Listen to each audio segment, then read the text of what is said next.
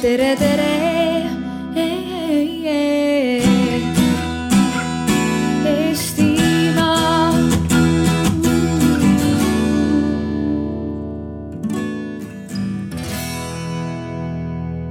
Sellega, et pakkuda no- noortele inimestele platvormi, et siis poliitikas teostada või lihtsalt äh, saada tutvusi, saada teadmisi ja kõike muud, mis käib poliitika juurde.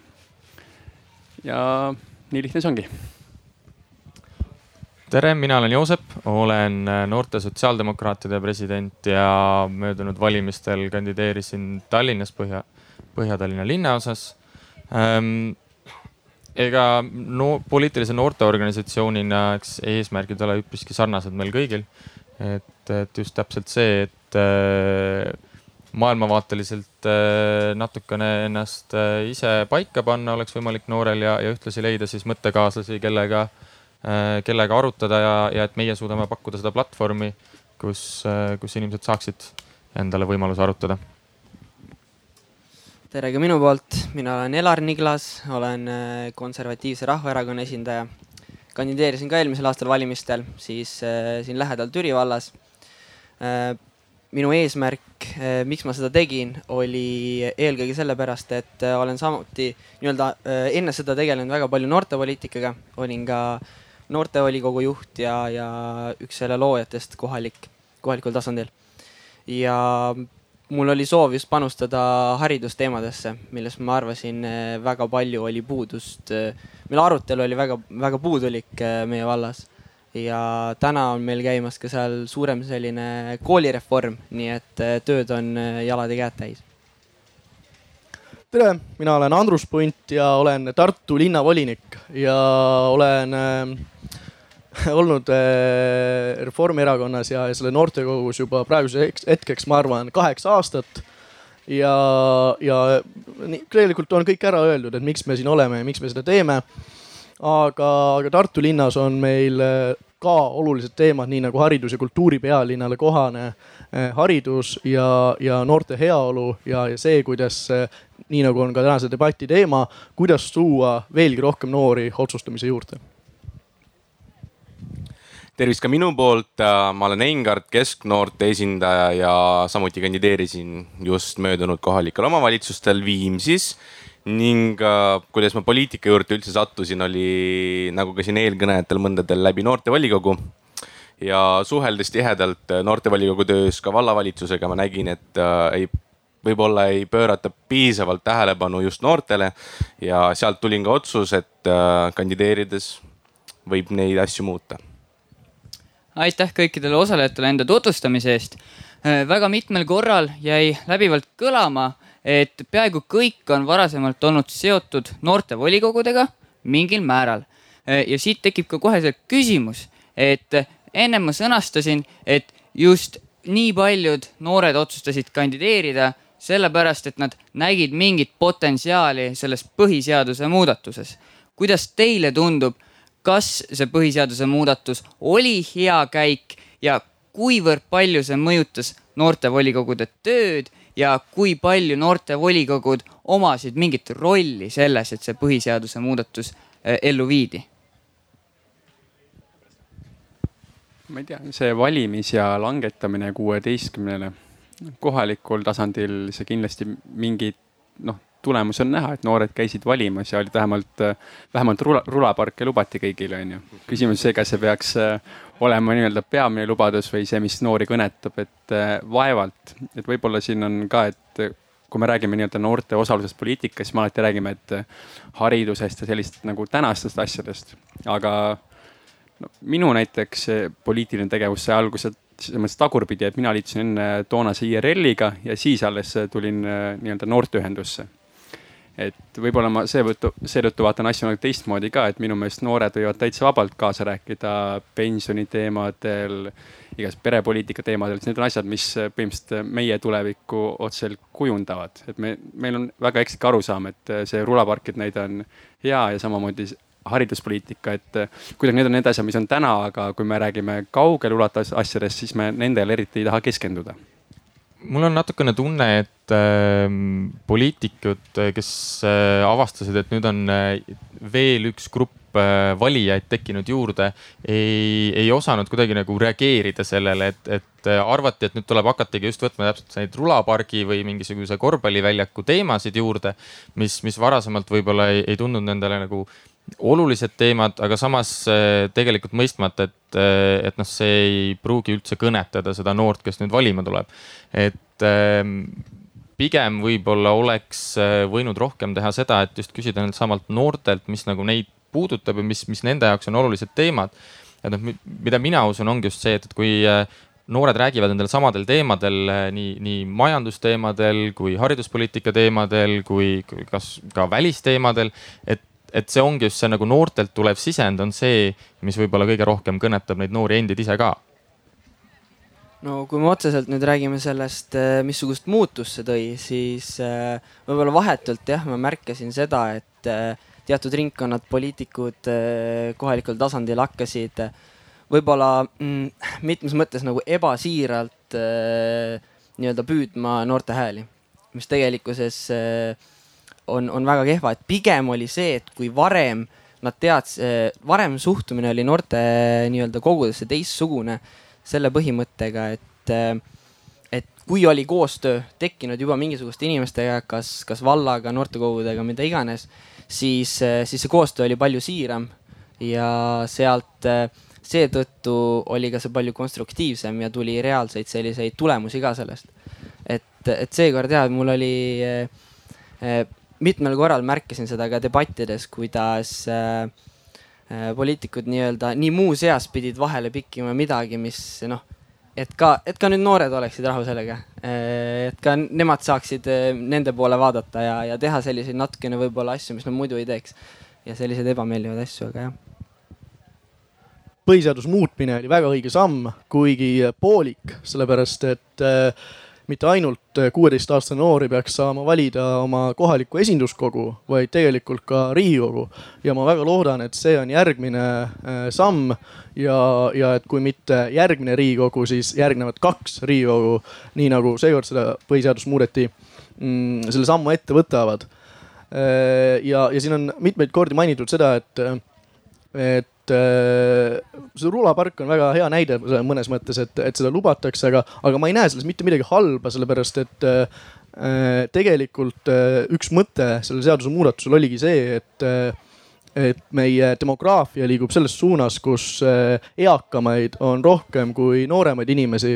ja üks väga konkreetne mõte, miks see seadusemuudatus ette võeti, oligi see, et erakonnad ja, ja poliitikud nendes erakondades hakkaksid tähelepanu eh, pöörama väga konkreetsetele ka noorte teemadele. ma ise olen muidugi sellel arvamusel, et ei ole olemas ka, nii nagu on öeldud, ei ole olemas ainult noorte teemasid, aga siiski selle seaduse muudatuse üks olulisemaid mõtteid oligi see et noored inimesed ei jääks hääleta, et, et kui siin ma tean, et see on võib-olla halb näide, sellepärast et me Riigikogu valimised tulevad ja, aga, aga see on mul meeles, et, et, et kui, kui mingisugune poliitiline jõud lubab, et nüüd sada eurot igale pensionärile nagu pensionile juurde, et siis, siis mis, mis saavad noored ja sellepärast ongi väga oluline, et kuueteistaastased saaksid minna valimiskasti juurde ja nad teevad oma otsuseid muideks eh, palju teadlikumalt kui võib-olla eh, keskmine valija, arvestades seda, et nende inforuum on palju suurem mm, arvestades seda, et, eh, et, et kui, kui mina rääkisin näiteks valimiste ajal noortega, siis nii mõnigi ütles, et, et ma ei tea, keda ma valin ja miks, sellepärast et nad tutvusid põhjalikult sellega, mida lubatakse. Nad, nad kahtlesid, nad, nad muretsesid, et ah, kas äkki minu hääl on vale. ja ja nüüd äh, viimase asjana, et ma liiga pikalt ei räägiks, siis küsimus oli veel ka see, et, et kui palju minu, minu konkreetne noortekogu või minu konkreetne panus sellel oli. siis äh, Reformierakonna noortekogu on, äh, ma nüüd pead ei anna, aga ma olen üpris kindel, et, et ainus noortekogu, kus juhatusse saab kandideerida näiteks ka juba kuueteistaastaselt ja selle sammu me võtsime ette enne Riigikogu seaduse muudatusi minu eestvedamisel just selleks, et näidata enda toetust ja usku kuueteistaastastesse noortesse ma nõustun samuti täielikult äh, kõikidega eelkõnelejatega ja samuti ma arvan, et äh, taoline näiteks äh, kuueteistaastased võivad valida sellest hetkest ja praegu tegelikult motiveerib ka rohkem üldiselt poliitikat tundma just noortel, sest nüüd noortel, meil on võimalus kuidagi ise ka muuta seda, mis hetkel toimub. ja tänu sellele on meil motivatsioon minna valima, tutvuda ja me oleme palju teadlikumad. tegelikult on ju tihtipeale öeldud seda klassikalisest lauset, et noored on meie tulevik ning äh, mõeldes sellele, et kui me juba praegu hakkame noortesse sisendama seda, et valimistel tuleb käia, tuleb anda enda hääl, iga hääl loeb, siis ka tulevikus äh, tegelikult jääb alles see harjumus ning äh, huvi just poliitika vastu, huvi selle vastu, mis toimub meie ümbriskonnas, kuidas seda muuta, kas ma saan seda muuta aitäh, ma arvan, et ma praegu lõpetan, muidu läheb pikaks. Ei, pikaks ei lähe, aega on meil piisavalt. aga jõudsime sellisele selgele järeldusele, et põhiseaduse muudatus tõi kaasa poliitikud, kes nägid uut sihtrühma, sihtgruppi, keda mõjutada. aga küsimus, kas, kas nad siis mõjutasid, kas, kas siis ikkagi noored läksid neid inimesi valima, kes lubasid neid rulaparke?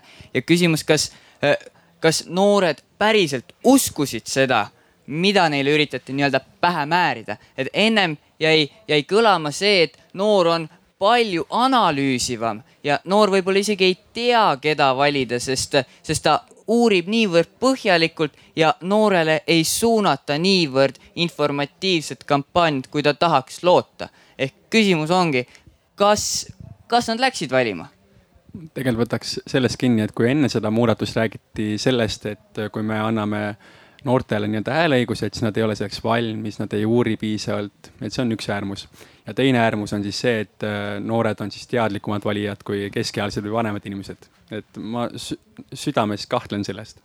et kui rääkida tutvusringkonnas või vaadata neid äh, erinevaid uuringuid, siis äh, ko, mingi kodanikuühiskonna uuring näitab seda, et äh, ainult kolmandik noori loeb nii-öelda kord nädal, kord nädalas äh, nii-öelda päevakajalist meediat, on ju, mis on iseenesest probleem. et äh, sealt mingit joont vahele tõmmata on suhteliselt keeruline.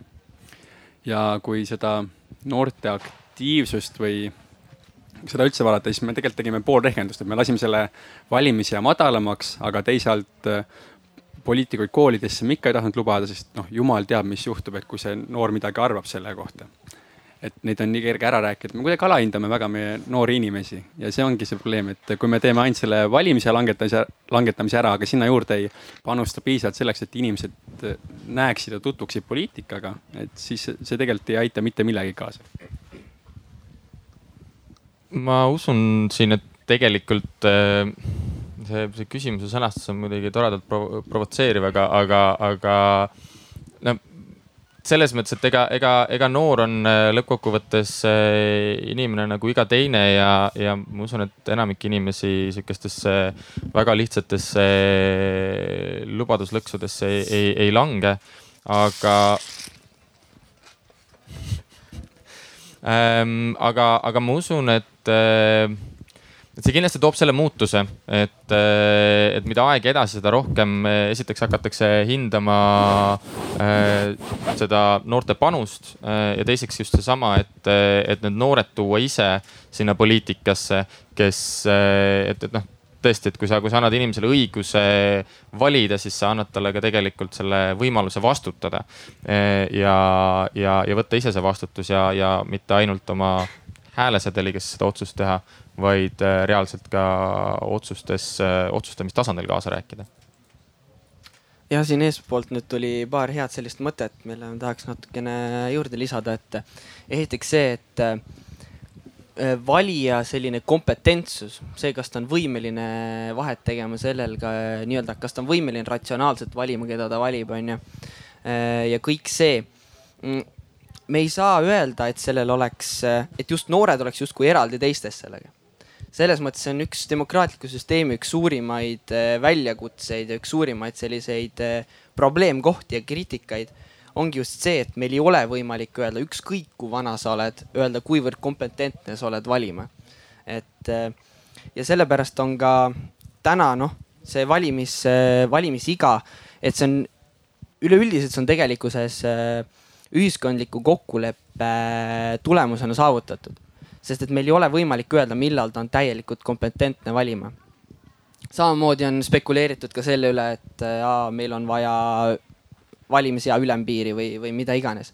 aga nii palju, kui mina olen uurinud just seda ratsionaalset, just seda kompetentsuse poolt, siis tegelikkuses, kui me räägime puhtalt bioloogiliselt, siis äh, ratsionaalne mõtlemine areneb inimesel välja alles tegelikult kahekümne teiseks eluaastaks. ehk siis äh, mida ma sellega tahangi öelda, on see, et see, see vanus ongi just meie sotsiaalne kokkulepe ja see on midagi, millega me peame kõik äh, siis nõustuma, milline, ükskõik milline see ka ei oleks. sellepärast, et ideaalset sellist punkti meil ei ole ja ma ei saa noori panna täiesti eraldi kasti siis teistest inimestest, sest nad võivad olla sama kompetentsed kui keskealised.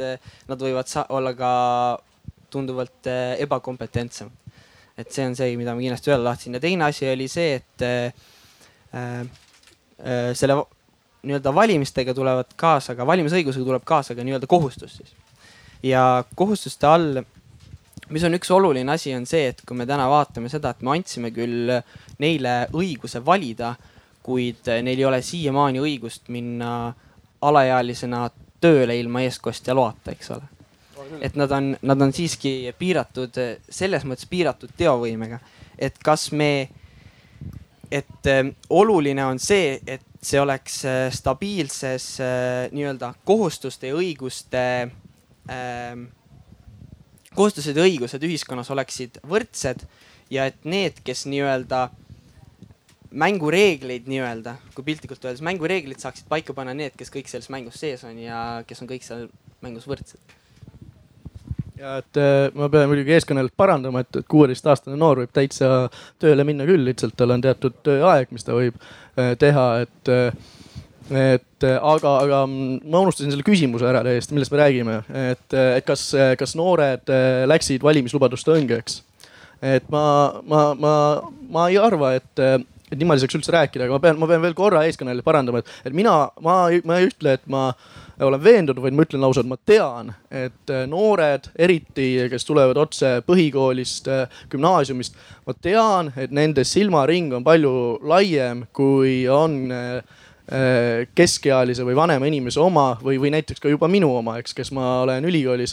Sellel lihtsal põhjusel, et need ained, mis neil on põhikoolis, gümnaasiumis, neid on nii palju. ja, ja neil on see kõik veel värskelt meeles ja, ja, ja ma olen, ma olen veendunud ja ma tean, et, et nad on laiema silmaringiga kui keskmine inimene. lihtsalt selle tõttu, et millises inforuumis nad viibivad, kust nad oma informatsiooni hangivad ja saavad nüüd äh, mis puudutab neid valimislubadusi ja seda, siis, siis mina näiteks ehitasingi enda kampaania üles äh, äh noortele, enda kaasnoortele. Alates kuusteist kuni, kuni kakskümmend viis oli minu äh, sihtgrupp, kellega ma aktiivselt suhtlesin mm,. kellega ma rääkisin äh,, kus ma käisin koolides esinemas ja, ja, ja ma ei lubanud neile õhulosse ega midagi. Tartus rulaparki ei pidanud lubama, selle tegime enne valimisi korda aga, aga ja, ja, ja mis oli oluline, oli see, et, et noorte esindaja oleks volikogus. Et noorte hääl oleks seal olemas, et kui on mingisugune mm, väga konkreetselt noori puudutav küsimus, siis et seal ei otsuseid ei teeks äh, inimesed, kellel on võib-olla juba lapselapsed ja, ja kes on noortest võõrdunud äh,. ja, ja Tartus see meil õnnestus, meil on äh, Tartus äh, volikogus äh, aegade noorim koosseis Äh, meil on, äh, mina muideks olen, ma olen kakskümmend täna, ma ei ole kõige vanem volinik. meil on üks veel noorem. Nii et äh, äh, igal juhul see Tartus meil õnnestus, et noorte esindajad ja noorte hääl saaks volikokku. ja, ja mis veel oli kuulda korra, oli see koolide teema, et koolidesse ei lubata äh,. ma jällegi ei tea, kuidas mujal on, aga meil Tartus äh, toimus küll väga aktiivselt äh, koolides debatte, muidugi selle mõttega, et kõik oleks võrdselt esindatud, et, et oleks kõik erakonnad, mis on õige aga, aga et äh, meil tegelikult seda lubati koolidesse ja minu meelest see on ainuõige, et, et see toodi pro probleemina välja, kus iganes see on see probleem, et poliitikuid ei lasta koolidesse. see tuleks sealt ära kaotada, sest mis, ma, ma, ma ei saa nagu väga sellest loogikast aru, et et mis see poliitika halb või kuri on, et nüüd seda ei tohi kooli lasta, et, et, et või, või mis, milline nagu suletud ruum see kool siis on või, või mida me arvame nendest noortest, et seal ei tohi olla poliitikuid, et. et ma kujutan ette, et mingisugune väikse omavalitsuse direktor mõjutab neid noori palju rohkem kui mingi poliitik, kes sinna kord, ma ei tea, nelja aasta jooksul debatile jõuab et kindlasti tuleks rohkem, rohkem poliitikuid lasta koolidesse õpilastega seal vestlema, sellepärast et see toobki poliitika nendele noortele lähemale ja see ongi ka see, mis neid äh, valimiskasti juurde viib võib-olla järgmine kord. et nad on seda inimesse looma, kes end poliitikuks tahab pidada, päriselt näinud, võib-olla saanud katsuda temalt küsimusi küsida, eks. et see on ülioluline ja, ja ma loodan küll, et poliitikud järjest ja järjest rohkem koolidesse lastakse, aga just nimelt selle võrdse esindamise printsiibi alusel Äh, jätkan ka seda teemat, et äh, poliitikud koolis minu arust täpselt samamoodi väga oluline osa. ise olen Viimsi koolis, lõpetasin just see aasta ja pean ütlema, et meie koolis kahjuks niimoodi ei, ei tohtinud teha ja ei saanud, kuna üritasime küll ja tahtsime tegelikult see iseenesest seondub täpselt kenasti ka äh, kaheteistkümnenda klassi ühiskonnaprogrammiga, kus räägitakse kenasti läbi kõikidest poliitilised äh, struktuurid, kõik erakonnad. see oleks täiesti loogiline jätk ka näha reaalselt poliitikuid rääkides nendel teemadel, mida nad lubavad, mida nad ei luba, mida nad suudavad ära teha aga tulles tagasi nüüd sellele teemale, kas noored läksid õnge, on tegelikult äh, minu arust hästi keeruline võib-olla laiali võtta, sest et ega me ei tea, mis igal inimesel peas toimub. aga noh, minu arust juba kuueteistaastased praegu on tsipa targemad, kui lihtsalt öelda, et me lubame teile rulapargi, et noh. Nad ei hakka lihtsalt uskuma seda, et nad analüüsivad, kas see on reaalselt võimalik ja kas meil on vaja rulaparki ja kas see on minu jaoks tähtis. et, et äh, sel juhul tegelikult noored minu arust hääletasid ikkagi rohkem just samuti noorte poolt, nagu ka eelkõneleja ütles, et äh, noorte esineja vallas äh, pean tunnistama, et meie Viimsi vallas praegu kõige noorim esindaja on kolmekümne ühe aastane. ja, ja, ja noh, et äh, ma nüüd ei teagi, kas see on õige, kas see on äh, vale või, või noh, igatahes noored ise seda otsustasid. ühtegi noort esindajat see aasta kahjuks meie volikogus ei ole ning äh, aga samuti noh, meil on teine, selles mõttes on tugev osa noortevolikogu, muidugi ma jõuan nüüd selle teema juurde tagasi. et äh, vallavalitsus on teinud õige otsuse ja hea koostöö volikoguga, et juhul kui noor ei saanud voli, äh, volikokku, siis on meil olemas ka teine organisatsioon, täiesti vabatahtlik, kus saab äh, ise panustada ja see toimib väga kenasti. jah, ma arvan, et ma lõpetan siinkohal. üks asi võib-olla see, et äh, see valimise langetamine on ka selline, et äh, noh, tihtipeale jääb mulje, et seal on tohutu mingi areng, et noorte hääl kuulda oleks, aga noh, see on paarkümmend tuhat noort, et kui me võtame valijate üldarvu, siis see ei mõjuta eriti palju kui nüüd, kui nüüd lisada, siis äh, valimistulemust mõjutab äh, kõigest kaks protsenti, kui kõik need noored, kes siis äh, on vanuses kuusteist kuni kaheksateist, läheksid valima. et siin peabki mõtlema, et see mehhanism, mis nii-öelda siis noore hääle kuidagi kuuldavaks teeb, peab olema palju mitmekesisem, et kui me räägime siin noortevolikogudest, mis on, ma arvan, pooltes omavalitsustes kuskil, et ka neile sisuline võib-olla võimu või nii-öelda seda platvormi juurde anda. või kui me räägime siis tulevikus üleriiklikul tasandil, et siis me teame vist, et eakatel on presidendi juures on nii-öelda selline nõustav kogu, on ju. et miks mitte noortele midagi sarnast, et kuidagi, sest ainult see nii-öelda valijagrupi suuren-, suurendamine tegelikult meid ei päästa noh, seal on tegelikult üks võimalus, mida mõningad omavalitsused erinevates vormides kasutavad, on ju äh, ka sihukene kaasav eelarvestamine. et, et noh, põhimõtteliselt võiksime teha sellise laialdase otsuse, kus äh, kus omavalitsused äh, eraldavadki mingisuguse teatud summa sellise kaasava eelarve vormis äh, näiteks sellesamale noortevolikogule, et nemad saavad otsustada, kuhu see siis äh, nagu liigub. eks see, see oleneb muidugi ka sellest, et väiksemates omavalitsustes tihtilugu ega, ega seda vaba eelarve osa seal suurt ei ole peale, peale kohustuslike osade aga, aga noh, lisaks siia juurde sellesama, mis puudutab koolides äh, poliitikute käimist ja sihukest tutvustamist, et noh, et kui sul ongi tegelikult see ühiskonnaõpetuse õpetaja, kes nagu räägib nüüd, et meil on need erakonnad ja nemad esindavad selliseid asju. siis, siis see võib olla väga vildaka prisma kaudu, sest et noh, igal inimesel on oma äh, maailmavaade ja, ja, ja selles mõttes, et tutvustada mõne teise erakonna maailmavaadet, noh, mina lõppkokkuvõttes ei võtaks siin kätte hakata tutvustama teie maailmavaadet, sellepärast et, et noh, see ei ole minu asi, mina tutvustan seda, mis on minu maailmavaade, et selles osas olekski võib-olla just kõige õiglasem, kui me suudaksime tuua mitte siis nüüd selles ühes vallas ainult selle vallavanema, kes siis nüüd oma mingisugust äh, sihukest suurt propagandat seal teeks, vaid just see, et võimalikult laialdaselt, kus tegelikult noortekogud ja noored oleks äh, ma ütleks, võib-olla see värav ja see selline asi, mis natukene võtaks pinget maha, sest suure tõenäosusega need noored ei, ei, on, on ka äh, küll, küll nagu äh, kursis sellega, aga nad suudavad natukene rohkem suhestuda ja, ja, ja võib-olla ei tekita nii palju sellist äh, või tähendab autoriteedivahet, et ütleme, kui meist siit nagu äh, kolm tükki ja sinna kõrvale panna mõni riigikogulane, et noh, siis nagu tekib võib-olla natukene selline tasakaalutuse, tasakaalust väljas olek. Ka selle noore jaoks, et noh, nüüd tuleb, ma ei tea, riigikogulane tuleb minister või keegi rääkima. et just võib-olla suunatagi selline ka noorte poliitharidus noorte poliithuviliste peale ja noorte poliitikute enda kätesse. ma viskaksin siin kohe palli õhku ja küsiksin, et me kõik nõustume, et poliitikud peaksid rohkem koolis olema, aga noh, muidugi poliitikud ju ise räägivad hetkel. aga aga, aga milles on küsimus, on see, et eh, Eesti Noorteühenduste Liit korraldas noorte valimisvalvurite projekti. Ja noored valimisvalvurid teatasid rohkem kui sajast valimisrikkumisest. Ja suur osa nendest valimisrikkumistest oli, oli põhjustatud just sellepärast, et poliitikuid ei lubatud kooli ja poliitikud otsustasid varjatult sinna kuidagi sisse imbuda, et õpetajate päeval viidi kõikidele õpilastele pastakaid ja viidi kõikidele õpetajatele pastakaid ja, ja siis oli ilus erakonna nimi oli seal peal puna, mingisuguse värviga või kas see oli punane, sinine või kollane. aga, aga küsimus on, kuidas või miks siis ikkagi koolid niivõrd paaniliselt kardavad poliitikuid. Miks nad ei kutsu poliitikuid, olgu ta siis kas väike kohalik inimene või riigikogu tasandil. Äh, miks neid ei kutsuta ja kuidas seda olukorda muuta?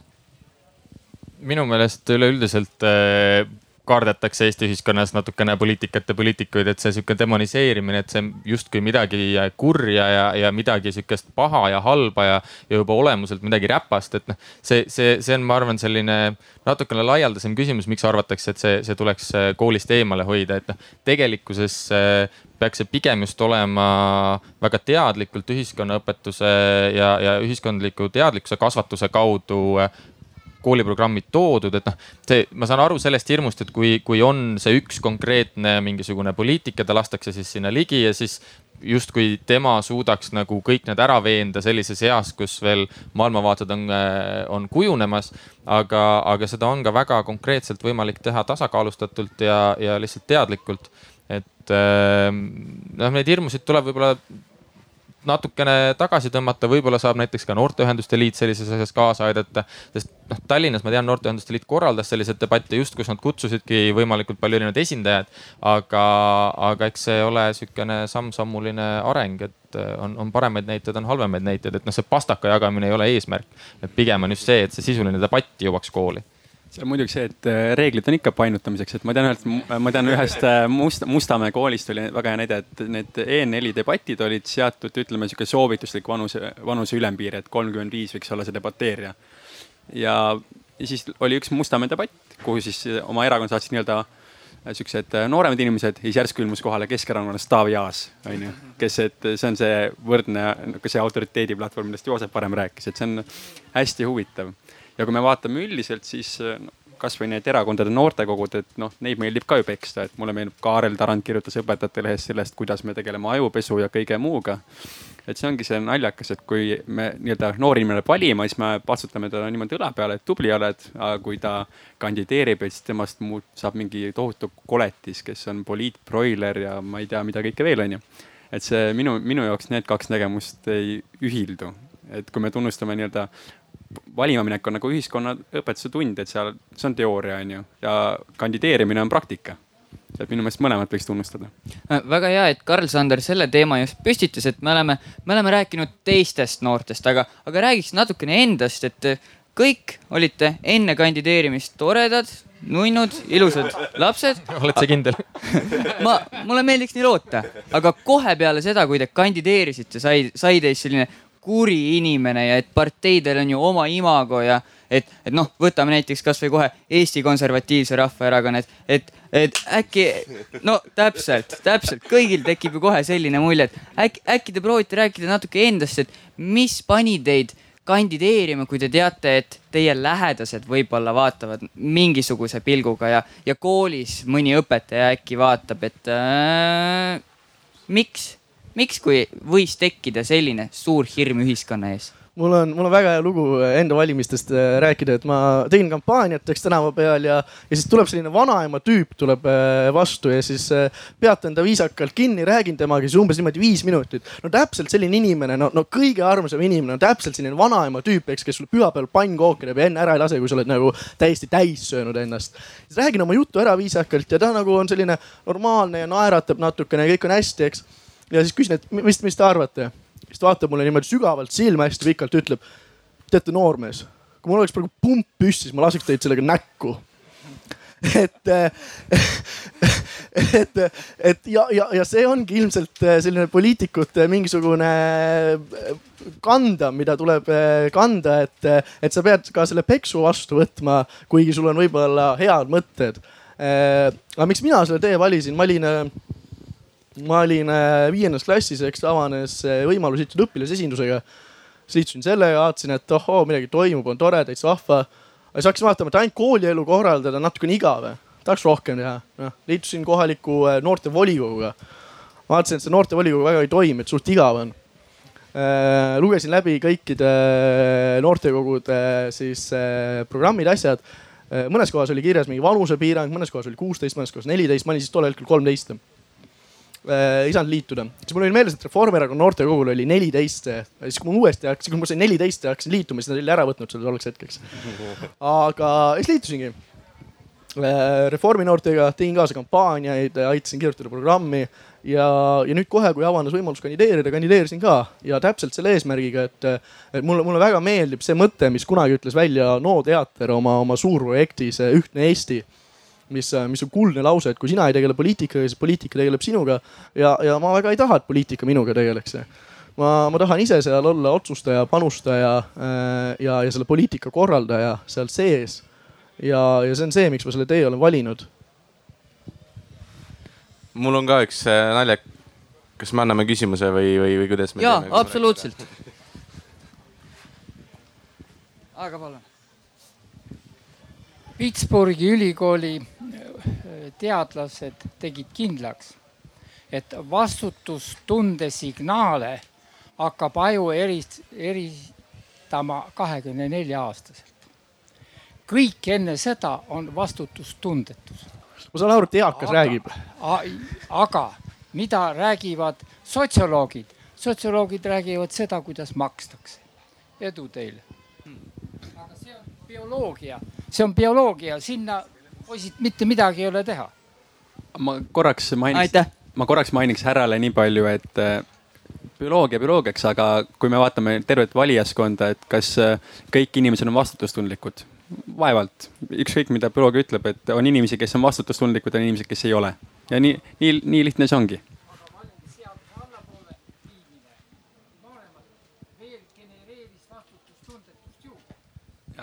kas me peame siis vastutustunnet mõõtma, et inimesi valima lubada, et see oleks ka väga huvitav demokraatia vorm?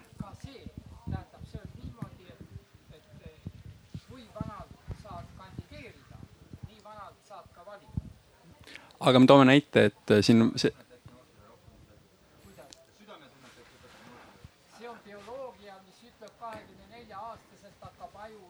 ei, aga va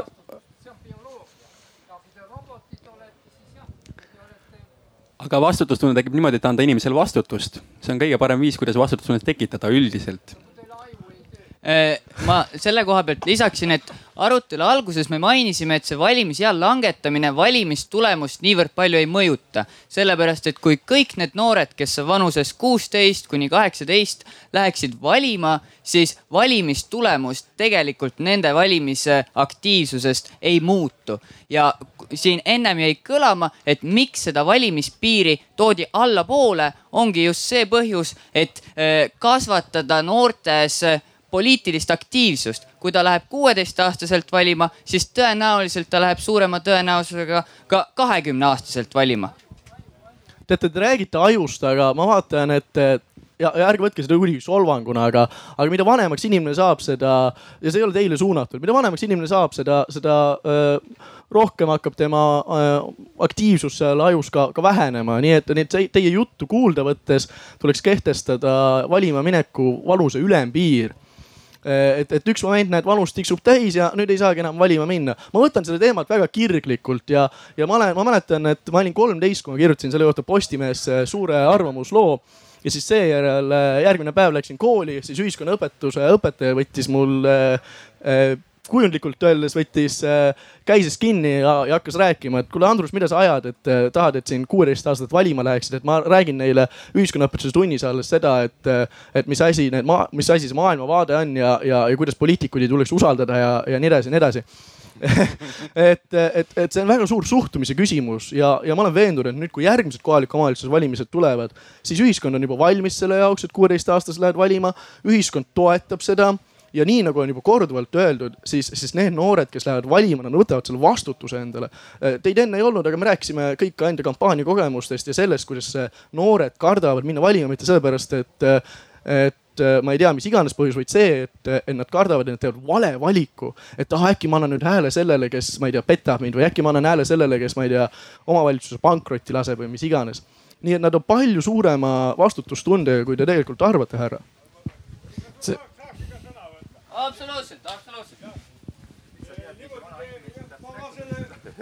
Taadiga olen peaaegu sama meelt, nii ütleme, sa oled kuusteist aastat vana. nii ja nüüd sul on valimis ja kand- ja sul on valimis ja kandideerimisõigus. nii, aga sa, sa ei ole isegi keskkooli ühiskonnaõpetust veel läbinud. mida sina tead riigiõigusest ja üldse sellest äh, avalikust õigusest. aga äh, mida teab see inimene, kes põhimõtteliselt, olgu ta siis kolmkümmend, olgu ta nelikümmend, olgu ta kaheksakümmend, kes ei loe mitte ühtegi ajalehte, kes lihtsalt emotsiooni pealt, see, kes parasjagu lubas talle kas sada eurot selle eest või, või, või mingisuguse muu suvalise sellise populistliku lubaduse välja. et noh, et mida see inimene teab rohkem ühiskonnakorraldusest ja, ja kui teadlikult ta selle valiku teeb. et põhimõtteliselt põhimõtteliselt selle noore puhul on meil veel võimalik äh, korrigeerida seda, kuidas me seda ühiskonna korraldust äh, talle õpetame, kui varakult me hakkame seda õpetama ja sealt ongi tegelikkuses äh, tal võimalik ka, ka ise näha ja ise selles osaleda ja, ja oma, oma, oma valikuid teha. ja nagu enne just sai mainitud siin, et see, mis oli kaks protsenti vist põhimõtteliselt muudab see. täpselt, täpselt seda ma talle vastasingi oota, oota, ma, ma, ma, ma korraks vastan, aga äh, väga hea, et te main-, oota, väga hea, et te mainisite keskkooli ühiskonnaõpetust, väga hea. aga põhiharidusega inimene, kes on kolmkümmend ja käib valimas, tema pole ka keskkooli ühiskonnaõpetust läbinud.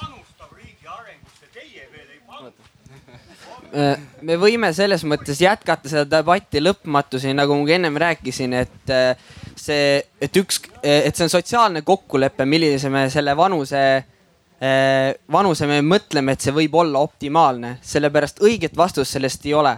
aga mida ma tahan öelda, on see, et äh, kõige, kõige esimene, kõige esimene asi on see, et äh, see inimene, kellele see õigus antakse, peab vastukaasu, vastukaaluks nii-öelda täitma ka oma kohustused ning ta peab olema võrdne nendega Äh, ehk siis see kuueteistaastane peaks olema, kui me ütleme, et me tahame, et kuueteistaastased lähevad valima, siis see kuueteistaastane peab olema võrdne selle kaheksateistaastasega oma kohustustelt. seda selles mõttes, et nagu ma ka ennem ütlesin, et me ei saa eeldada seda, et äh, kuueteistaastasel on paljudeks asjadeks, mida ta oma elus teeb, vaja veel eestkostja, äh, eestkostjat. ta pole täieliku teovõimega. et kas me ei et me ei saa võtta ainult selle hea asja ja need kohustused jätta kõrvale, ehk siis me peame võtma mõlemat, kui me seda tahame teha. Ja see peab olema meie nii-öelda ühiskondlik otsus, kui me seda tahame sa mainid seda, et äh, see kuueteistaastane ei panusta ühiskonda. mul vajub ausalt öeldes suu lahti seda juttu kuulates, aga tegelikult siis ma vaatan, kes seda räägib, siis seda räägivad keskealised ja vanemad äh, mehed ja siis ma saan aru, miks nad nii räägivad. see on ühiskonnas väga levinud, et, äh, et noori ei usaldata ja neile vaadatakse kuidagi ülevalt alla. ma arvan, et vastupidi tuleks vaadata noortele kui vähemalt mitte võrdsetele, siis lausa, lausa nii-öelda kui tulevikule. kui me vaatame ajalugu, siis läbi ajaloo on kõikide suuremate ühiskondlike protsesside eestvedajaks olnud noored.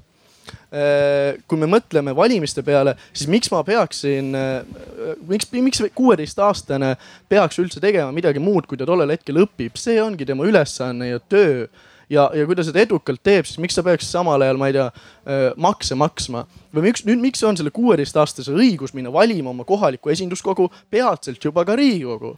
ma väga loodan. kui, kui kellegi teise, kes on vanem ja, ja panustab omamoodi Äh, me igaüks teenime oma riiki, oma ühiskonda täpselt äh, nii hästi, kui me seda oskame. seda ei saa mõõta kuidagi, seda ei saa mõõta maksude maksmisega, sellega, mitu last sul on või, või, või mis iganes kolmas äh, mõõtmise asi. seda saab mõõta tänu, tänu sellele, et kas see inimene teeb midagi oma kogukonnas, oma perekonnas nii et äh, mina ütlen, et usaldage palun äh, noori palju rohkem, kui te täna seda teete. ja huvitav on see, et alati me vaatame seda tänast konteksti, et see kuueteistkümne langetamine on tohutu probleem, aga kui me vaatame nagu valimisõiguse ajalugu üldiselt, siis meil on alguselt valisid ju ainult inimesed, kes omasid maad. seejärel äh, ühel hetkel seda laiendati, siis ühel hetkel said naised valimisõiguse, mis oli hämmastav, mis ei olnud väga ammu. ja siis anti nii-öelda ja vist, kas oli ka vanuse, vanusepiirang oli kakskümmend kaks mingil hetkel on ju. ja praegu on kaheksateist ja kohalikul tasandil kuusteist käib küll. Teil on selles mõttes õigus, et see vanusepiirang on terviksüsteem. et kui me langetame näiteks äh, äh, vanusepiirangut kohalikel valimistel, siis kas kaaluda seda ka näiteks, et riigikogu valimistel kandideerida saab kahekümne ühe aastaselt, äkki peaks jälle kaheksateistkümne peale tooma. et, et need proportsioonid kuidagi peavad klappima. võtaksin siit uue küsimuse. no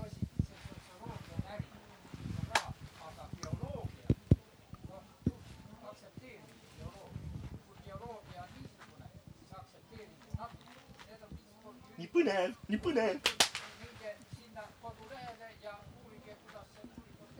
kindlasti, kindlasti peale arutelu uurime seda ka. kusjuures pärast, jah, see peaks üles kirjutama, need uuringud lausa läbi vaadata, jah.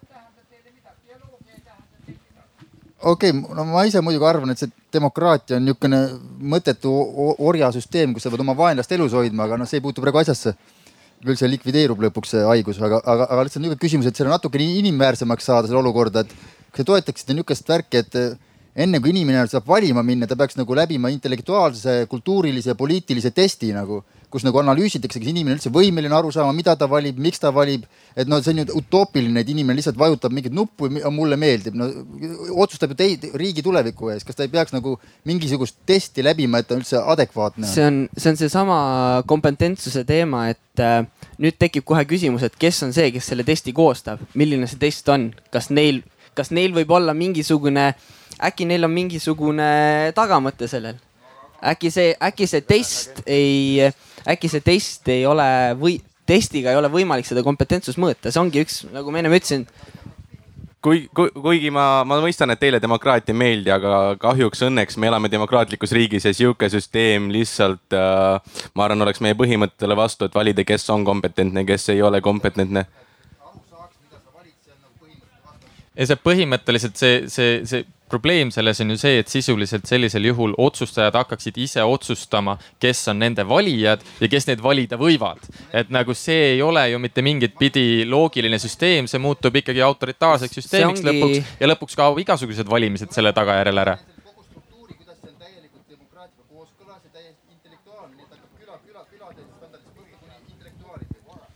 no no kui sihuke süsteem oleks reaalselt võimalik ja, ja olemas, siis äh, ma arvan, et ja inimesed oleks sellest teadlikud, siis see tuleks kindlasti kõne alla ja ma arvan, et see täpselt sellesama teema üle oleks siin väga väga-väga suur debatt, aga kuna hetkeks äh, praeguseks mina küll isiklikult pole teadlik, et sihuke süsteem kuidagi, kuidagi toimiks, siis võib-olla seetõttu see, seda ei olegi sisse võetud praegu. mina tahaks hea meelega kuulda sellest teile Läheks, läheks, jaa, annaks kohe sinna taha küsimuse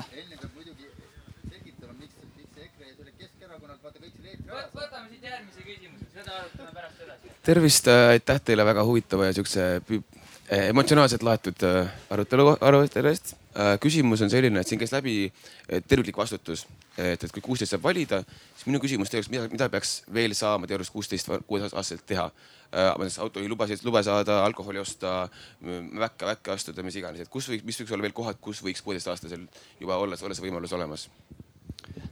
mõte oli selles, et oleks siis äh Äh, võrdne täna selle inimesega, kes on äh, kahe, kaheksateistaastane. eks me räägimegi nendest täielikust teovõimest ja me räägimegi kõigest muust. et see ei olnud minu, see ei olnud minu selles mõttes ettepanek, et see on see, mida me peame tegema, vaid see oli lihtsalt äh, nii-öelda ütlesin välja selle, et, et kui me anname selle kohustuse, siis me peame ta ta peab olema selles nii-öelda mängus võrdne kõigi teistega, see oli nagu see eesmärk, mida mina tahtsin öelda miks me peame võrdlema valimas käimist mingisuguste teiste õiguste või kohustustega üldse?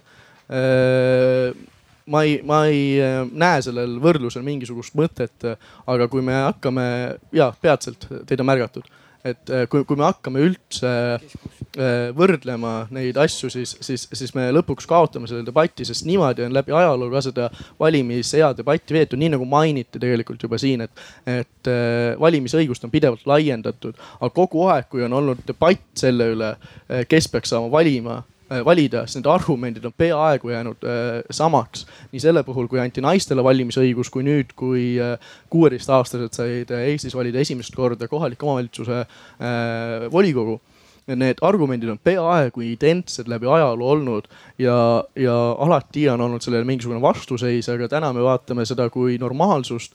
et, et need ja need inimesed saavad valida olenemata kõigest. kuueteistaastane on, on enda kohustuste ja enda õigustega juba üks õigus, mis talle on juurde antud, on õigus minna valima.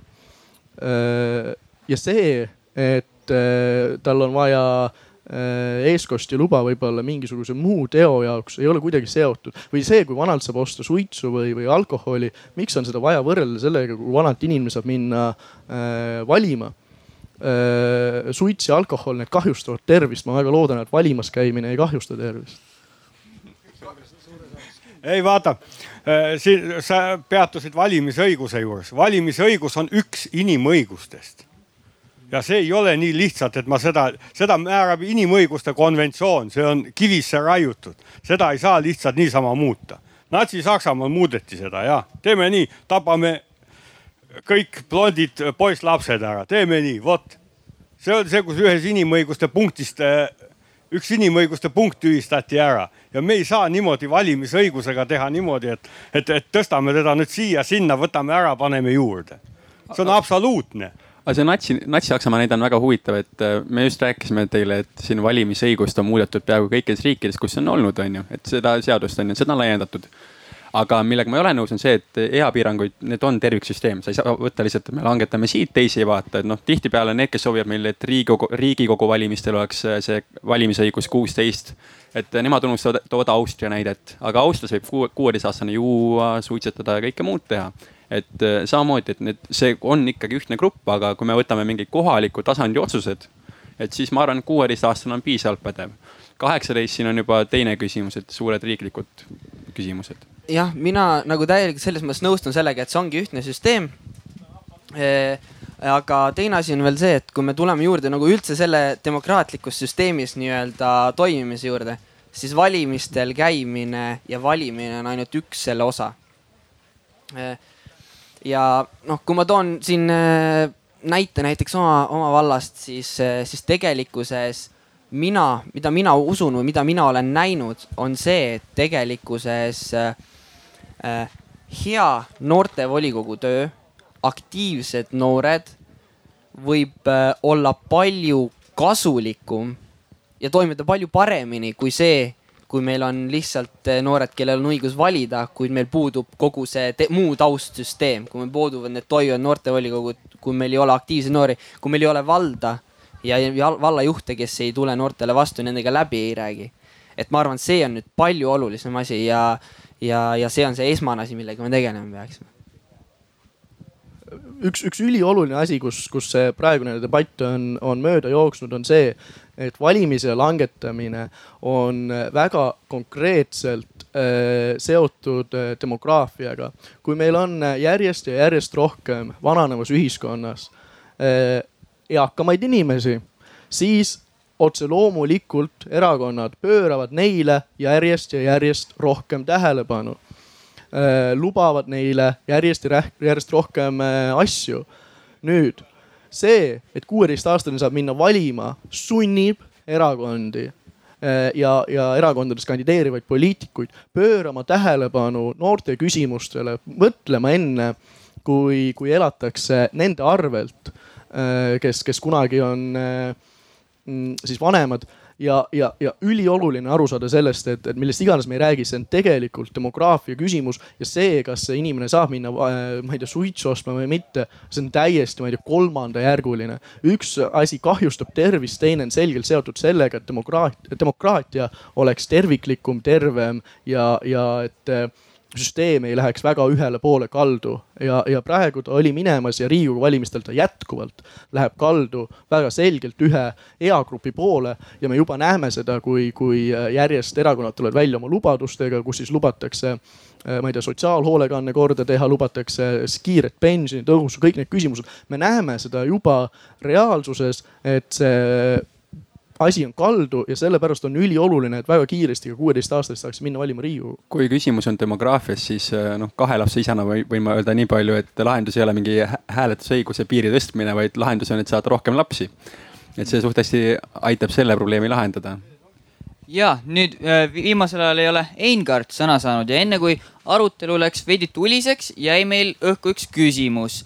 Äh, kuidas suhtusid teised sellesse, et te kandideerisite ja miks te ikkagi otsustasite seda teha, vaatamata sellest äh, vastuseisust, mis on. nagu, nagu me praegugi publikust näeme, vastuseis on päris suur. aga miks te, miks te ikkagi otsustasite? me saame aru, me tahame ühiskonnas kaasa rääkida, me tahame ühiskonnas mingeid otsuseid ise ellu viia, aga mis on see nii motiveeriv tegur, et seista vastu nii suurele ühiskondlikule survele jah, ma hakkasin seda põnevat lugu rääkima ja, ja, ja see oligi seotud samamoodi selle kooliga, selle vastuseisuga, kuidas suhtuvad õpetajad, kuidas suhtub vanem generatsioon. ma tegin samuti enda kampaaniat, seisin poe ees, jagasin, jagasin enda visiitkaarte, igast muud nänni ja, ja vaatan, et oh, et tuttav õpetaja, et minu füüsikaõpetaja, kes on väga muhe mees, see teeme ka hästi läbi ja muidu doktorikraadiga inimene hästi,, hästi-hästi tark ja noh, minu tea-, minu arvates väga kompetentne inimene valima.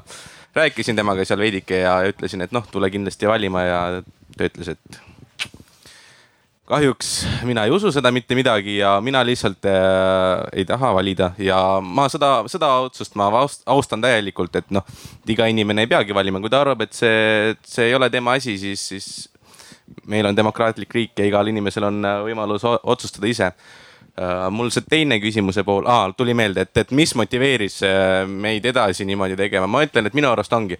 mulle, mulle vaielda tegelikult meeldib ja meeldib vaielda inimestega, kes teavad, mis nad, äh, mis nad ütlevad ja just see teema et kuidas sa näed erinevate inimeste arvamust, kuidas tegelikult läbi selle vaidluse jõuda ühise punktini, kuidas jõuda selleni, et läbi selle vaidluse me leiame mingi kompromissi, mis sobib mõlemale poolele, mis sobib ühiskonnale, mis annab meile miskit juurde jah, erakonnad on erinevad, inimesed on erinevad, kuid äh, lõppude lõpuks me oleme üks Eesti rahvas. ja, ja, ja kui me töötame üksteisele vastu, siis, siis tegelikult pole mõtet üldse tööd teha.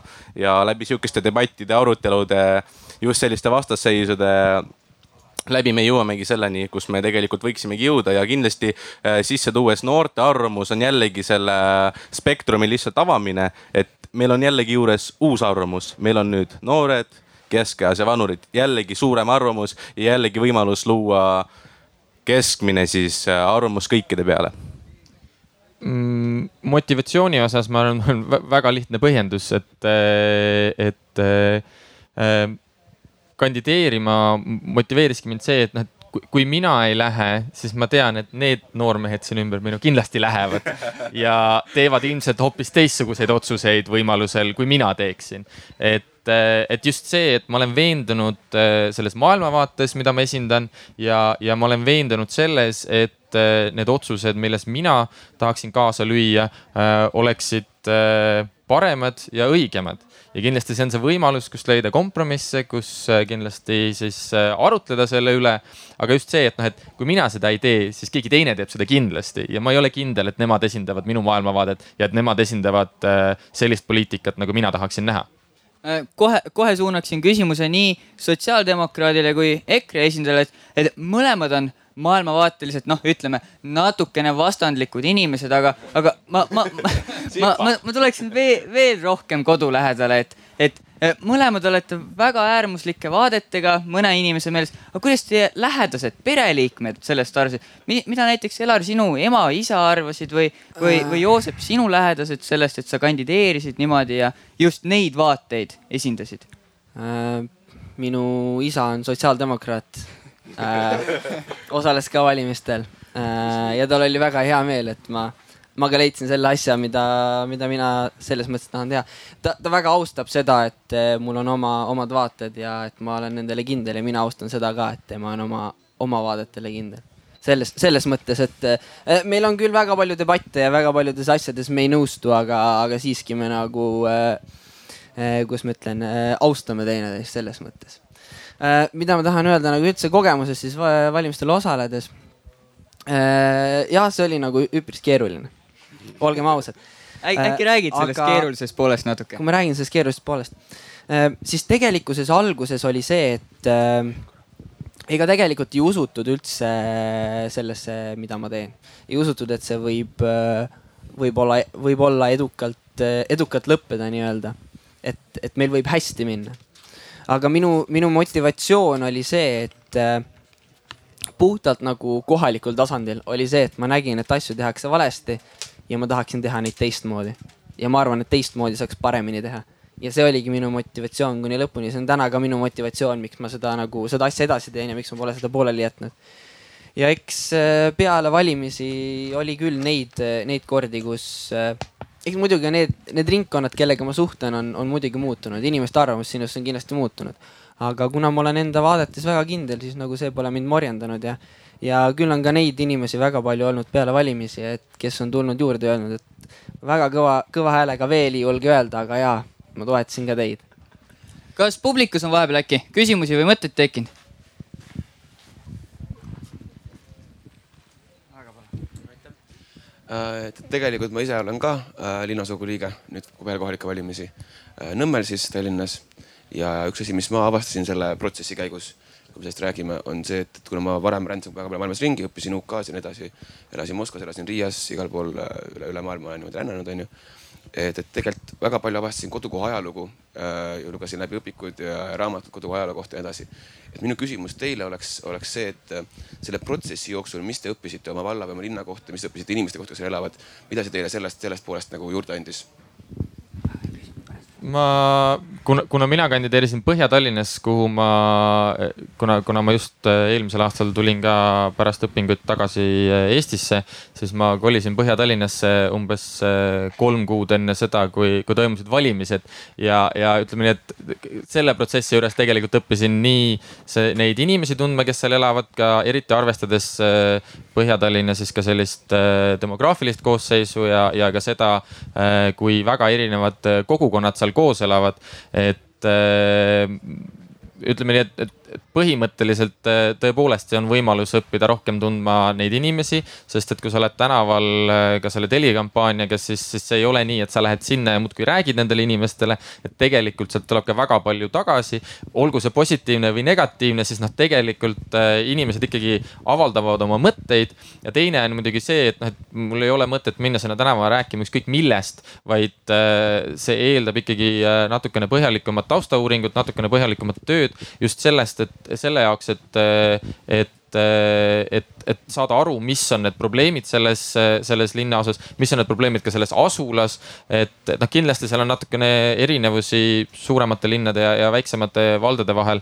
aga, aga jah, kindlasti väga palju äh, uut ja, ja võib-olla tunnen ennast veel rohkem Põhja-Tallinlasena pärast seda mina olen äh, terve oma elu, ma olen sündinud, kasvanud siinkandis ja ma äh, ja, ja olen äh,, austan väga seda nii-öelda neid inimesi, kes suudavad äh, ja tahavad äh, uurida oma perekonna, oma, oma juuri, oma perekonda ähm,. ja, ja selle ma olen endale ka eesmärgiks võtnud ja see on ka kindlasti üks motivatsioon, mis mind nagu siin kinni hoiab.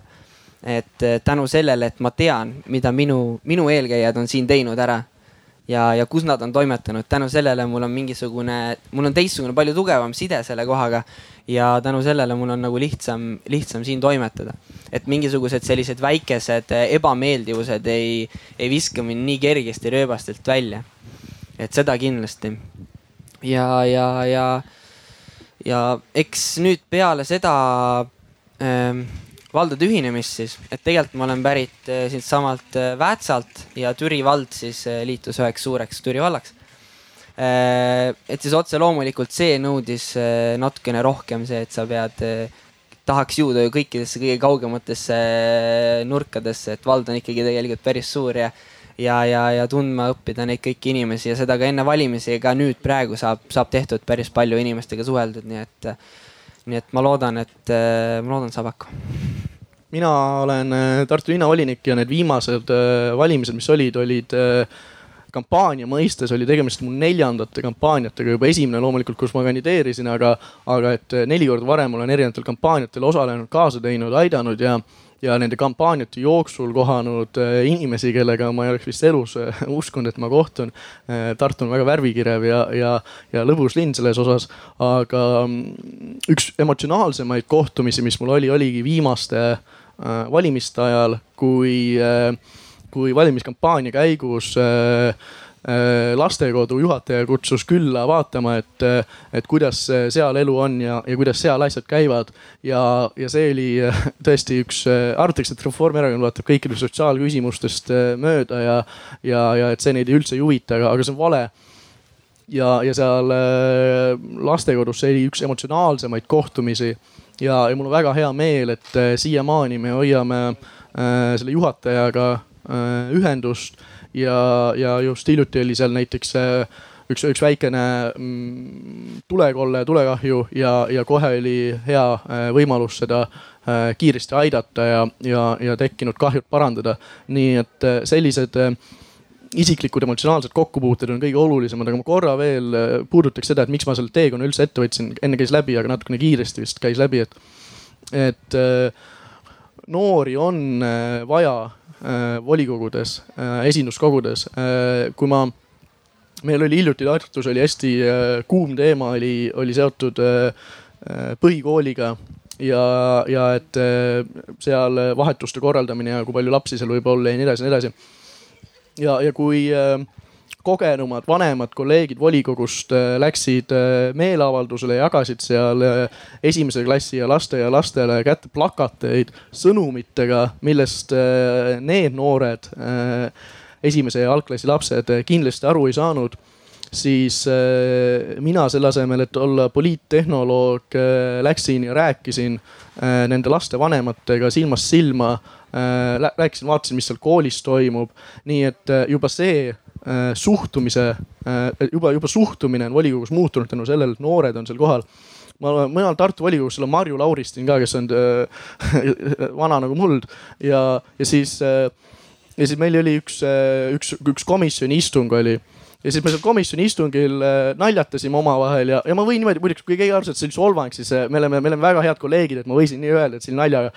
aga, aga äh, istusime seal komisjonil ja siis rääkisime juhuslikult sellest, et äh, millal keegi seal poliitikasse astus, mis toimus, siis kui ma ütlesin, et ma olin äh,, et kui mitu aastat tagasi juba ma hakkasin selle kõige tegelemist just lasteaiast nii et, eh, nii et see suhtumine on, on pidevalt tõesti selline nagu ka, ka poliitikute seas selline nagu vastuseisu natukene tekitav ja see on üks väga konkreetne põhjus, miks ma selle teekonna ette võtsin, miks ma seda teen, mida ma teen mm, et need noored, kes on ühiskonnalt aktiivsed, et need, kes mõtlevad kaasa, et need ei jääks hääleta. okei okay., no, no teine asi lisaks sellele demokraatiale, mille vastu ma olen, on see võrdõiguslikkus on ju et äh, küsimus ka teile, et kas te ei arva, et nagu naisi peaks nagu rohkem nagu hindama ühiskonnas, et natuke, natuke solvav on neid nagu kõik ühe, ühe tasand, tasandi peale tuua, et, et kuhu see meestel nagu pürgida on, et ja kas teil on nagu noortekogus ka nagu vanasti korporatsioonides ja niimoodi oli noortes, et mingeid džentelmeni õpetusi ka või mingi niisugused noh, et niisugused noh, reaalsed vaata, et noh, meest mees saaks niisugused eraldi me, meest mehele suunatud naise osas haridust niisugust spetsiifilist. Ja just, et äkki saaks kõik vastata, et kas te, mis te võrdõiguslikkuse osas arvate, et äkki teeks nii, et hakkaks naist rohkem hindama? tead, ma, ma arvan, et iga inimest võiks hinnata nii-öelda omaette, et see on kõige parem meetod, kuidas normaalne hinnang anda. aga et kas mina siiralt usun, et head kombed tulevad äh, kodust, kui tulevad, et ükski organisatsioon seda tingimata ei õpeta no Isamaa noortekogus on meil nii palju vedanud, et meil on juhatuses on äh, kolm naisterahvast ja kaks meesterahvast, mis tundub omaette veider, et võib öelda, et me hindame naisi rohkem. et ma ei tea, kuidas teistel noortekogudel on. aga et see tuleb kodust, seda ei pea ükski ühendus õpetama ma tahaks öelda siia, et eh, selline noh, põhimõtteliselt jah, et, et, et naist ei pea hindama mitte sellepärast, et ta on naine, vaid naist peab hindama sellepärast, milline inimene ta on. ja, ja iga inimest tuleb hinnata, ka meest tuleb hinnata selle järgi, milline inimene ta on, mitte selle järgi, et kas ta on mees või naine. aga, aga, aga selle juurde ka kindlasti see, et, et see nii-öelda džentelmenlikkus või, või mina ütleks, et see pigem on sihuke üleüldine viisakus teise inimese vastu. et kombed ja üleüldine viisakus teise inimese vastu, hoolimata sellest, kes see inimene on, on, on miski see, mis äh, võiks tulla nii kodust kui ka võib-olla meie, meie haridussüsteemi madalamatest astmetest juba kaasa äh, natukene võib-olla teemast mööda, ma annan andeks, aga, aga äh, just seoses minu nii-öelda valimistel osalemisega ja kõige selle protsessiga, kus mul hästi palju on kokkupuudet olnud no noormeestega, kes, äh, kes just äh, või mida ma nende suunas olen tundnud seda, et või mida nad on mulle rääkinud ja, ja mis, mis neid, neid nagu resoneerib, on see, et nad on suhteliselt väsinud rääkimast neile pidevalt koolis räägitat-, räägida, räägitakse ja tuuakse eeskujuks igasuguseid õigusi kuid nad on täiega väga-väga janused ja näljased nii-öelda äh, vastutuse võtmise eest. ehk nad tahavad, äh, tahavadki võtta rohkem vastutust ja luua korda oma elus et see on, mis nagu mulle on nagu, mis mulle alguses tundus, on just see, et olles ise konservatiiv, et justkui sellist, äh, sellist mõtlemist või maailmavaate on väga raske no, noorele, noored, noortele inimestele nii-öelda selgeks teha kuid eh, mis ma nagu kiiresti aru sain, ongi see, et eh, väga paljud eh, noormehed ongi, kes soovivadki, kes tahavadki või ihkavadki sellist vastutust ja ise oma elu nii-öelda kordaajamist. Et, et see on nagu, mis mul jäi nagu meelde nendest jutu, jutuajamistest ja koosviibimistest seoses sel ajal siis ehk noh, mehel ja naisel on alati, neil on ühiskonnas mängida teatud määral kindlasti erinev roll. teatud määral kindlasti.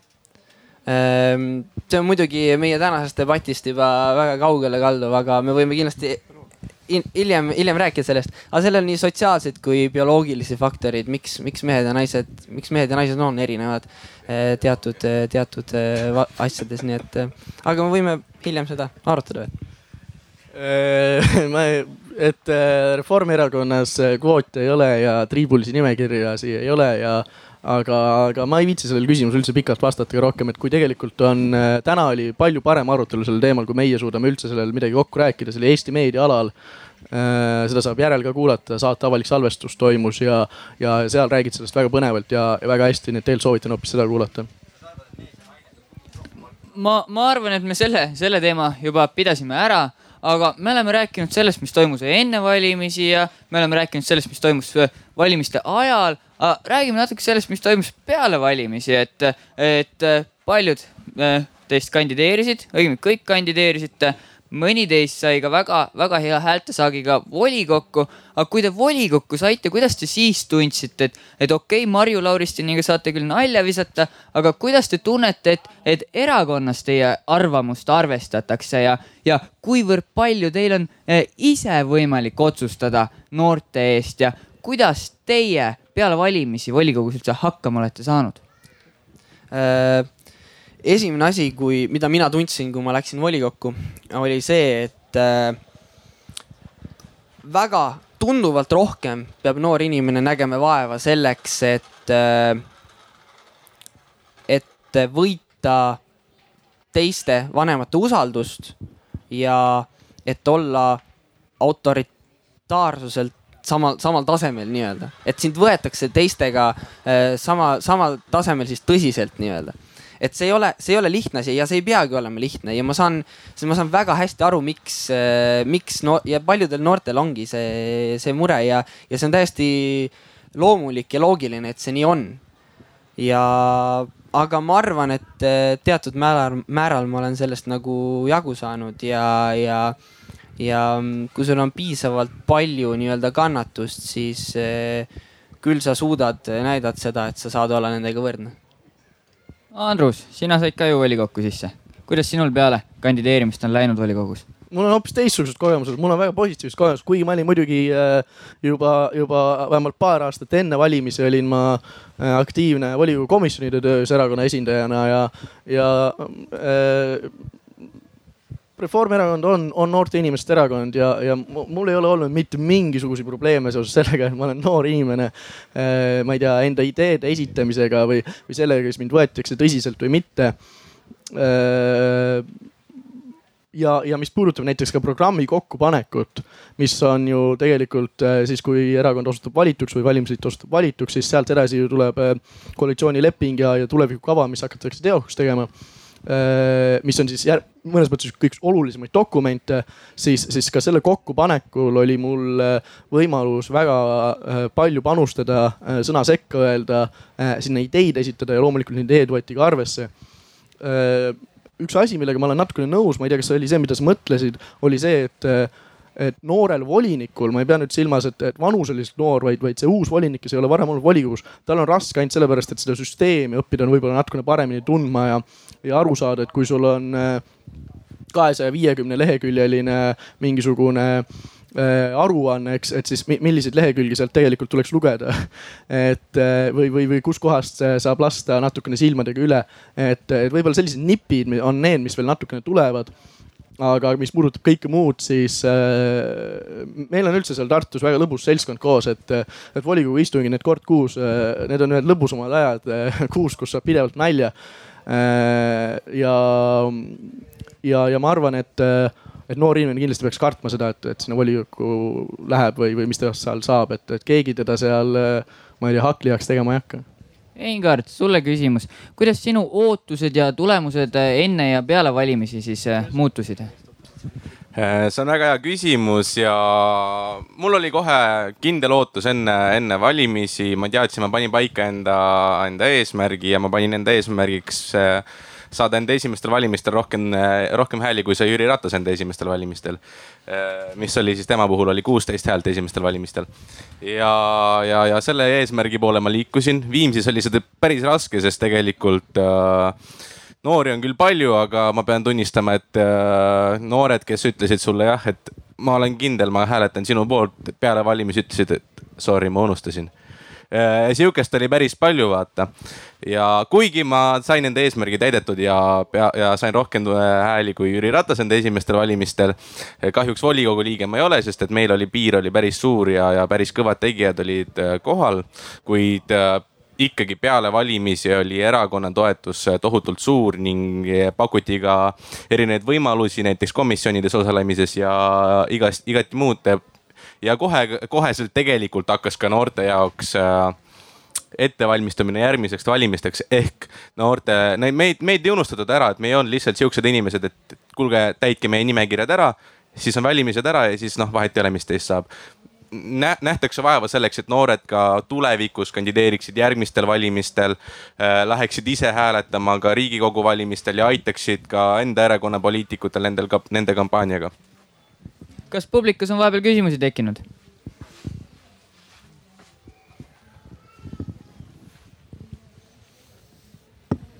no hea küll, teeme siis sellise stsenaariumi, te olete nüüd vallavolikogu liikmed. nii, elu on ilus, päike paistab, nii, tuleb teha teil selline otsus. paneme lasteaia kinni. mis te teete?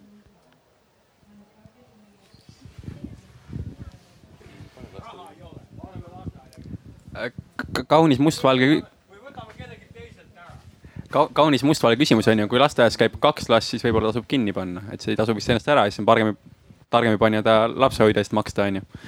et need asjad ei käi päris niimoodi. no mina ütleksin äh, nii palju jah, et see on üsnagi, üsnagi mustvalge stsenaarium, aga, aga mida mina tahan öelda, on see, et äh, tegelikkuses täna äh, nagu ma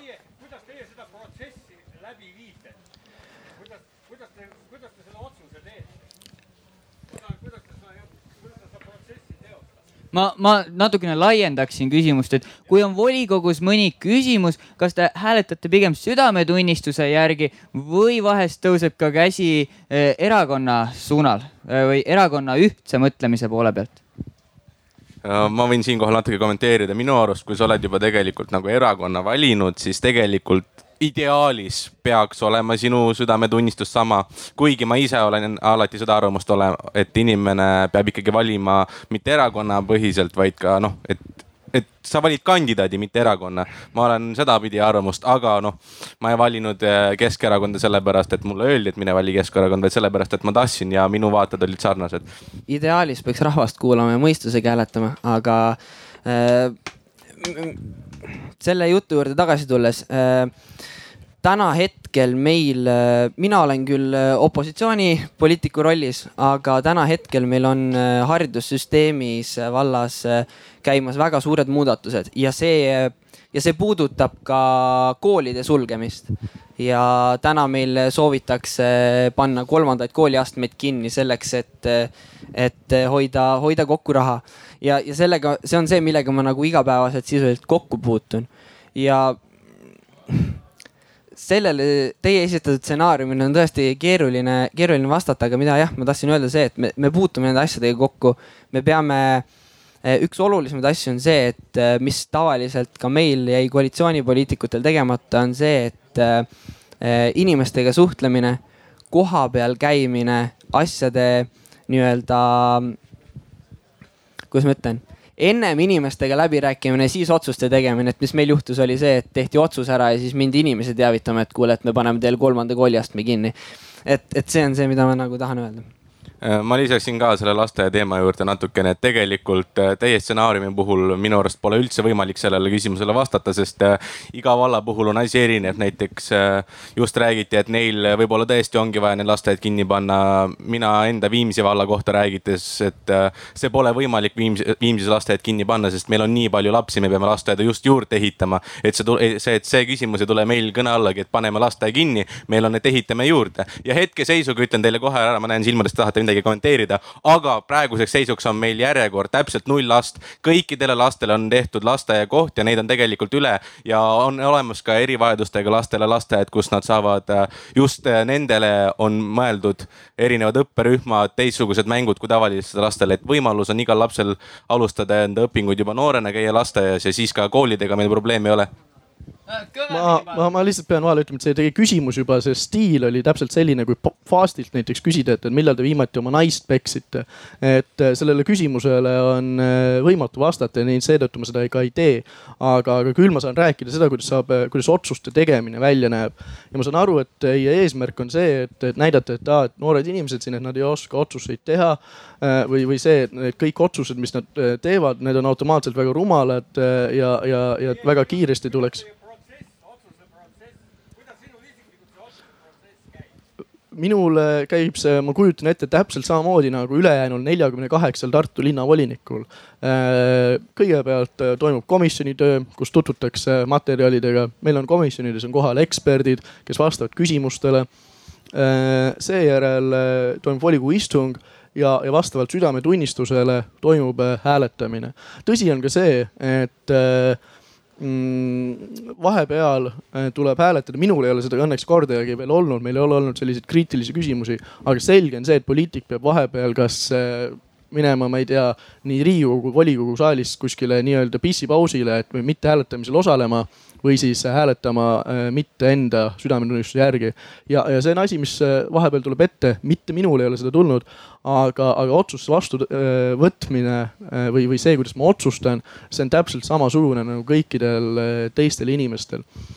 Mm, ja, ja meil on õnneks Tartus niimoodi, et meil on piisavalt ressursse, et kui on mingisugune eelnõu või mingisugune arutelu, siis äh, volikogu kantselei on korraldanud alati niimoodi, et äh, kõik oma ala eksperdid on äh, volinikele kohal ja neilt saab küsida küsimusi, ka väga kriitilisi küsimusi. et tegelikult volikogu, volikogu komisjonides toimubki peamine töö.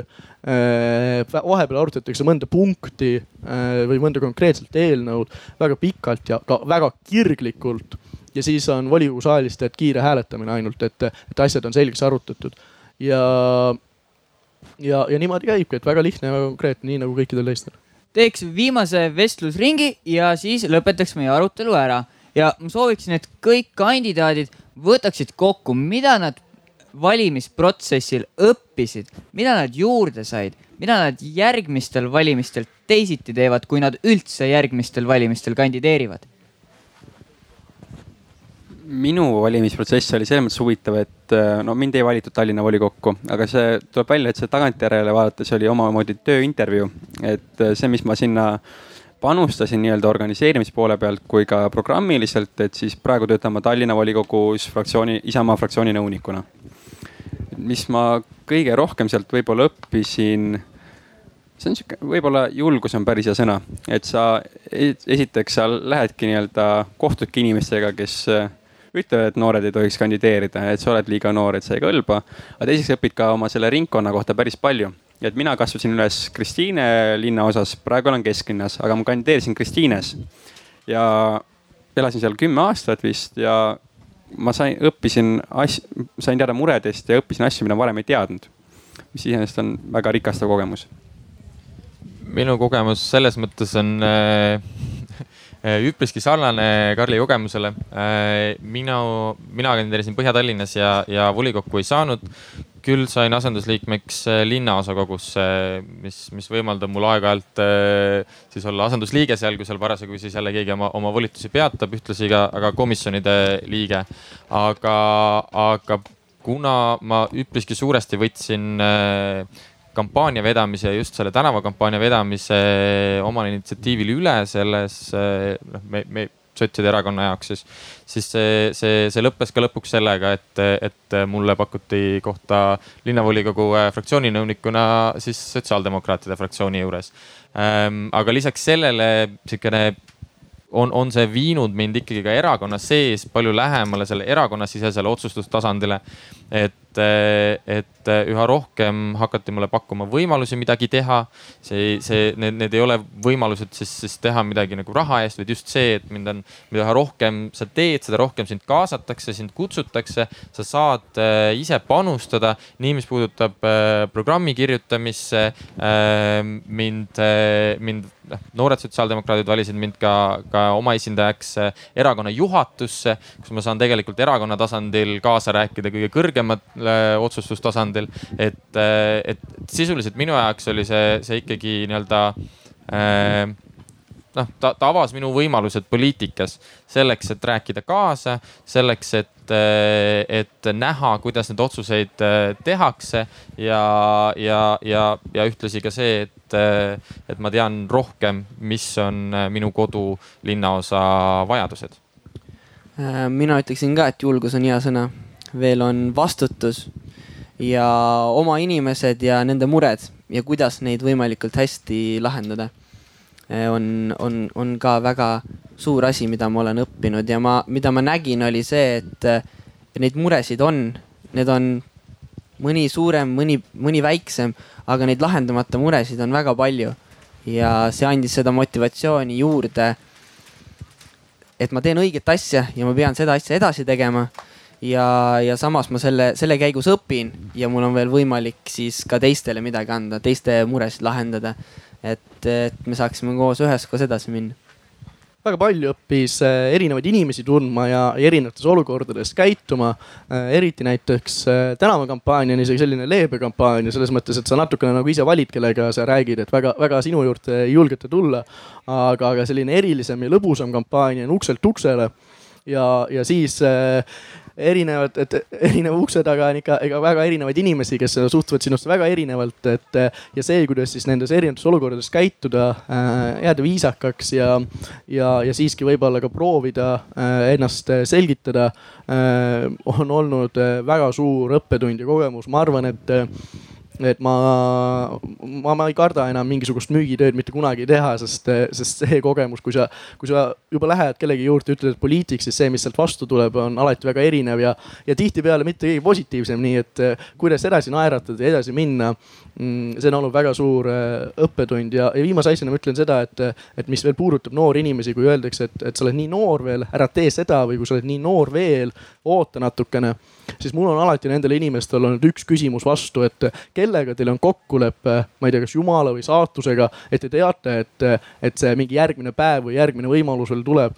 kuna minul mingit kokkulepet kellegiga ei ole ja ma ei tea, siis ma alati haaran nendest võimalustest kinni ja võib-olla see minu soovitus ka kõikidele täna siin laval ja kõikidele, kes meid kuulavad, et haarake võimalustest kinni ja püüdke päeva